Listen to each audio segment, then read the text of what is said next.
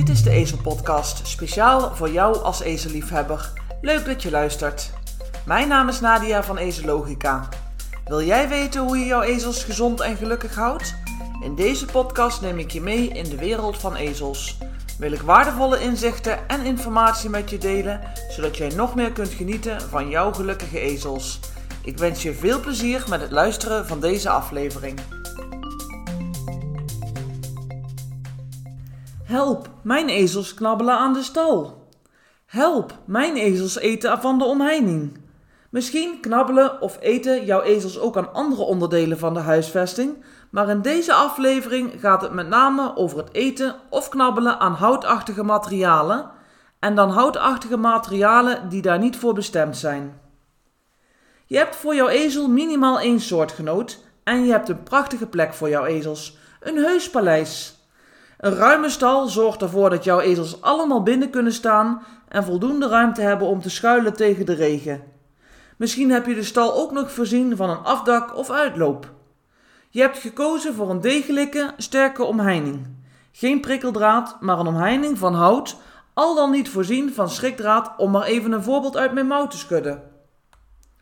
Je schrikt je rot en baalt als een stekker als je ziet dat jouw ezels zijn begonnen aan de houten omheining of dat de stalwand eraan heeft moeten geloven. Een bever is er niks bij. Maar geloof mij, al was de stal van goud, zaten er diamantjes in verwerkt, voor jouw ezels maakt dat geen verschil. En tuurlijk mag je balen, een keer mopperen, maar als je mij al wat langer kent, dan weet je wat ik nu ga zeggen. Of beter gezegd, dan weet je welke vraag ik ga stellen. Waarom doen jouw ezels dit? Waarom beginnen jouw ezels aan bijvoorbeeld de stal terwijl je alles voor jouw ezels over hebt? Als we de waarom weten, kunnen we ook kijken naar een oplossing. Klinkt wel logisch, toch?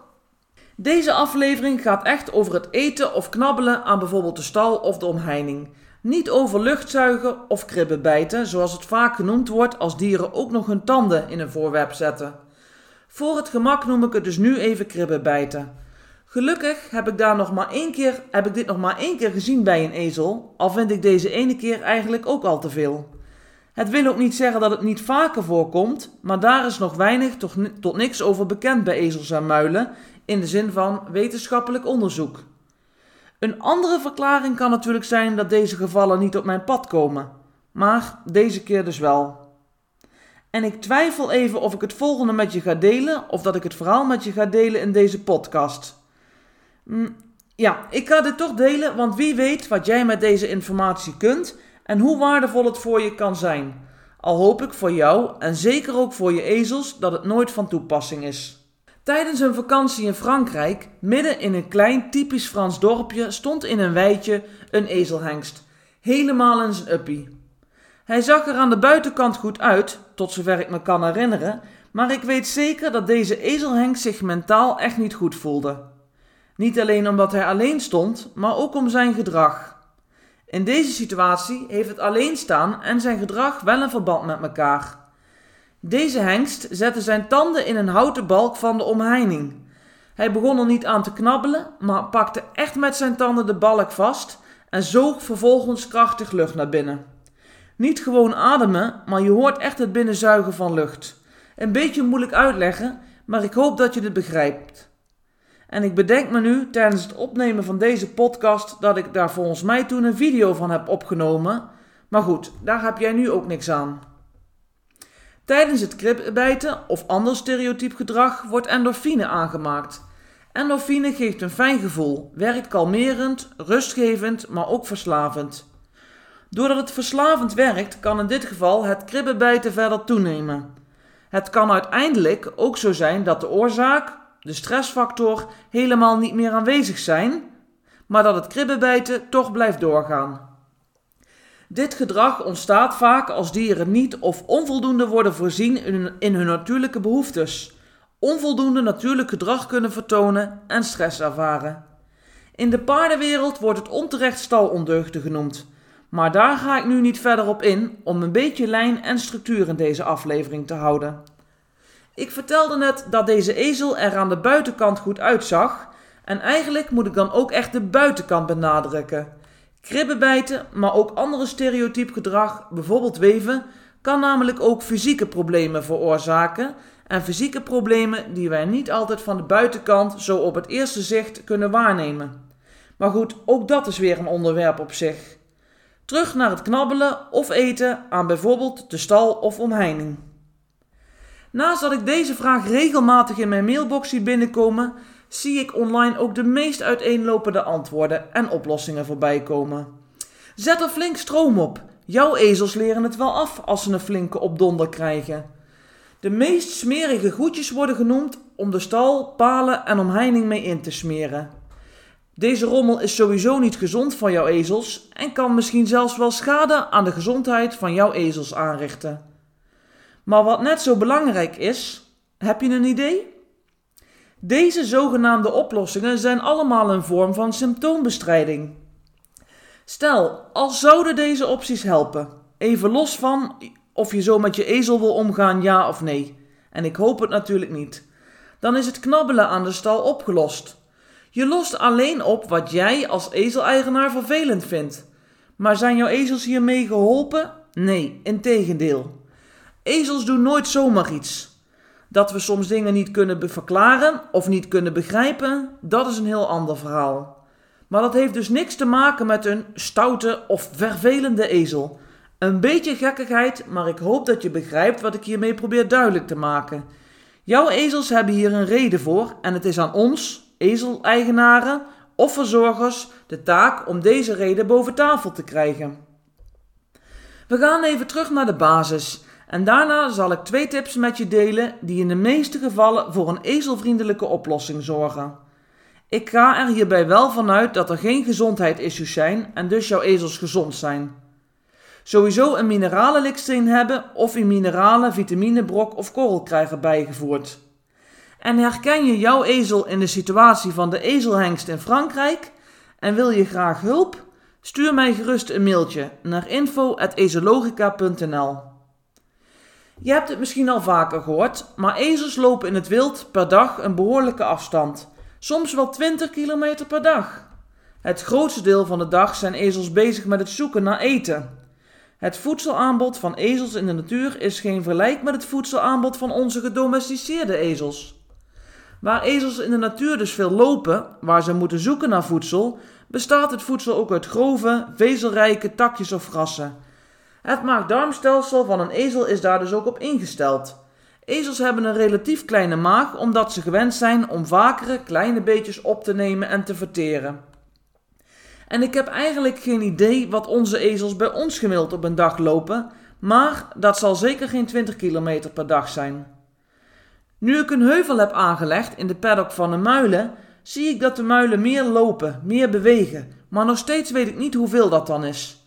En al langer loop ik met het idee om dat eens te meten. En misschien moet ik daar nu toch eens echt werk van gaan maken. Minstens twee keer per dag krijgen onze ezels een maaltijd geserveerd.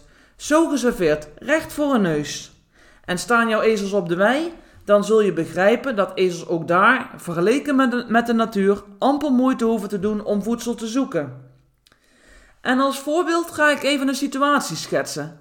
Iedere ezel en iedere situatie is anders en ik denk dat je dat wel snapt en dat het onmogelijk is om in één podcastaflevering alles helemaal af te dekken of iedere unieke situatie te beschrijven en te analyseren. Maar onze dagen hebben allemaal 24 uur. Daar is geen discussie over mogelijk. Als we de richtlijnen voor een gezonde nachtrust opvolgen, dan slapen we gemiddeld 8 uur per dag. Per nacht bedoel ik dan.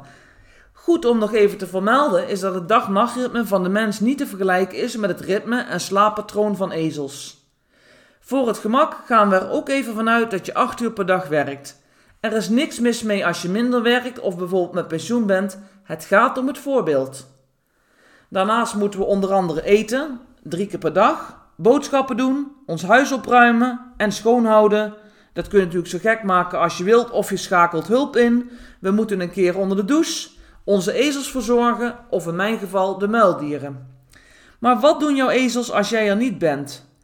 Stel, je voert jouw ezels twee keer per dag. Je wil dat ze gezond op gewicht blijven, dus je voert ze niet onbeperkt. Wat doen jouw ezels als het op is? Stel, dus jij roept of denkt: Help, mijn ezels knabbelen aan de stal of omheining. Dan heb ik nu twee tips voor je. En trouwens, als je dit niet roept of niet denkt, dan kun je het leven van jouw ezel ook met deze twee tips verrijken, als je ze nog niet toepast. Hierbij tip 1. Meerdere kleinere porties. En ik hoor nu misschien al, ja maar. Als je het mij vraagt, is het onze verantwoordelijkheid om te zorgen dat onze ezels worden voorzien in hun behoeftes. Wij houden ezels immers in onze omgeving. Onze ezels moeten het doen met wat wij ze daar aanbieden. Denk in mogelijkheden, oplossingen en niet in problemen. En ik weet dat dat niet altijd makkelijk is, maar het is in ieder geval de moeite waard om het te proberen. In plaats van een maaltijd op één plek aan te bieden, kun je dit ook verdelen over meerdere plekken. Creëer afstand en stimuleer beweging. Als voorbeeld geef ik het vaak het volgende voorbeeld. Je kunt hooi naast of vlak bij de waterbak geven, maar naast dat het water dan meestal niet lang schoon blijft, stimuleert dit jouw ezel ook niet om te bewegen. Zet de voer- en drinkplek dus uit elkaar. Kijk eens naar een slowfeeder, een voerbal, verstop of leg op verschillende plekjes wat voer. Ga eens op zoek naar de vele opties om het leven van jouw ezels te verrijken. En in drie edities van het Ezel Magazine, dat was de tweede editie van 2020 en beide edities van 2021 van het Ezel Magazine, hebben verschillende artikelen over dit onderwerp gestaan. De tweede en de laatste tip. De takken van de knotwilg als verrijking. In de wintermaanden is het tijd om wilgen te knotten. De meest bekende soort is de knotwilg en de soort waarvan ik zeker weet dat ezels, maar ook muilen en paarden er gek op zijn en veilig gevoerd kunnen worden. Heb jij knotwilgen bij jouw woning of ezelstal staan? Maak jouw ezels dan blij met een paar takken om lekker te knabbelen. En ook hiervoor geldt met mate. Heb jij geen knotwilgen staan? Heb je dan wel eens bij jou in de buurt gekeken of je knotwilgen hebt gezien? Misschien dat je na het luisteren van deze podcast toch meer knotwilgen ziet dan dat je in eerste instantie dacht. Hier in de omgeving staan ze niet direct in de straat, maar een klein stukje met de auto, de polder in en er staan tientallen knotwilgen op een rij. Volgens mij worden ze hier door de gemeente, een natuurvereniging, maar ook door de lokale hoveniers geknot. En weet je wat nou zo zonde is? Het snoeiafval. Hm, eigenlijk dus een hele verkeerde woordkeus. Ik bedoel, de takken die afgeknipt zijn, worden, worden soms afgevoerd naar een milieustraat of ergens anders waar groenafval verwerkt wordt. En de persoon in kwestie moet volgens mij ook nog betalen om deze takken af te voeren. En laat jij jouw ezels, muilen en paarden, maar het is natuurlijk een ezelpodcast, nou heel blij kunnen maken met deze takken. Je zult zien dat deze kleine takjes, dat ze de kleine takjes echt helemaal opeten. Bij de dikkere takken moeten eerst de buitenkant eraan geloven, maar zelfs de dikkere takken worden vaak helemaal opgepeuzeld. En ze blijven in alle gevallen, oké, misschien op een hele enkele uitzondering na, van de stal en van de omheining af. Zo zag ik van de week mijn meldier Cato lekker bezig met een kleinere standje van een tak. En hoe ze dit deed?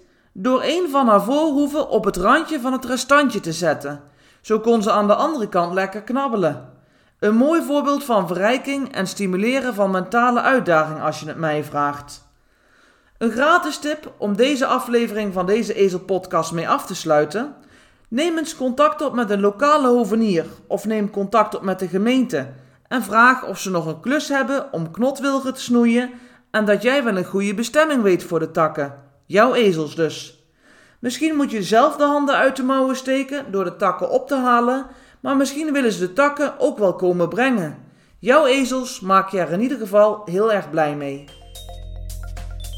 Bedankt voor het luisteren naar deze aflevering van de Ezel Podcast. Wil jij ook samenwerken aan ezelwelzijn?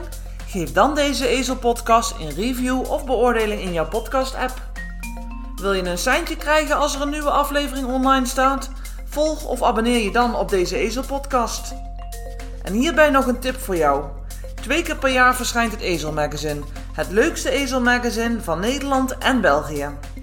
Meer informatie over dit magazine vind je op www.ezelogica.nl schuine streep ezelmagazine. Tot de volgende keer!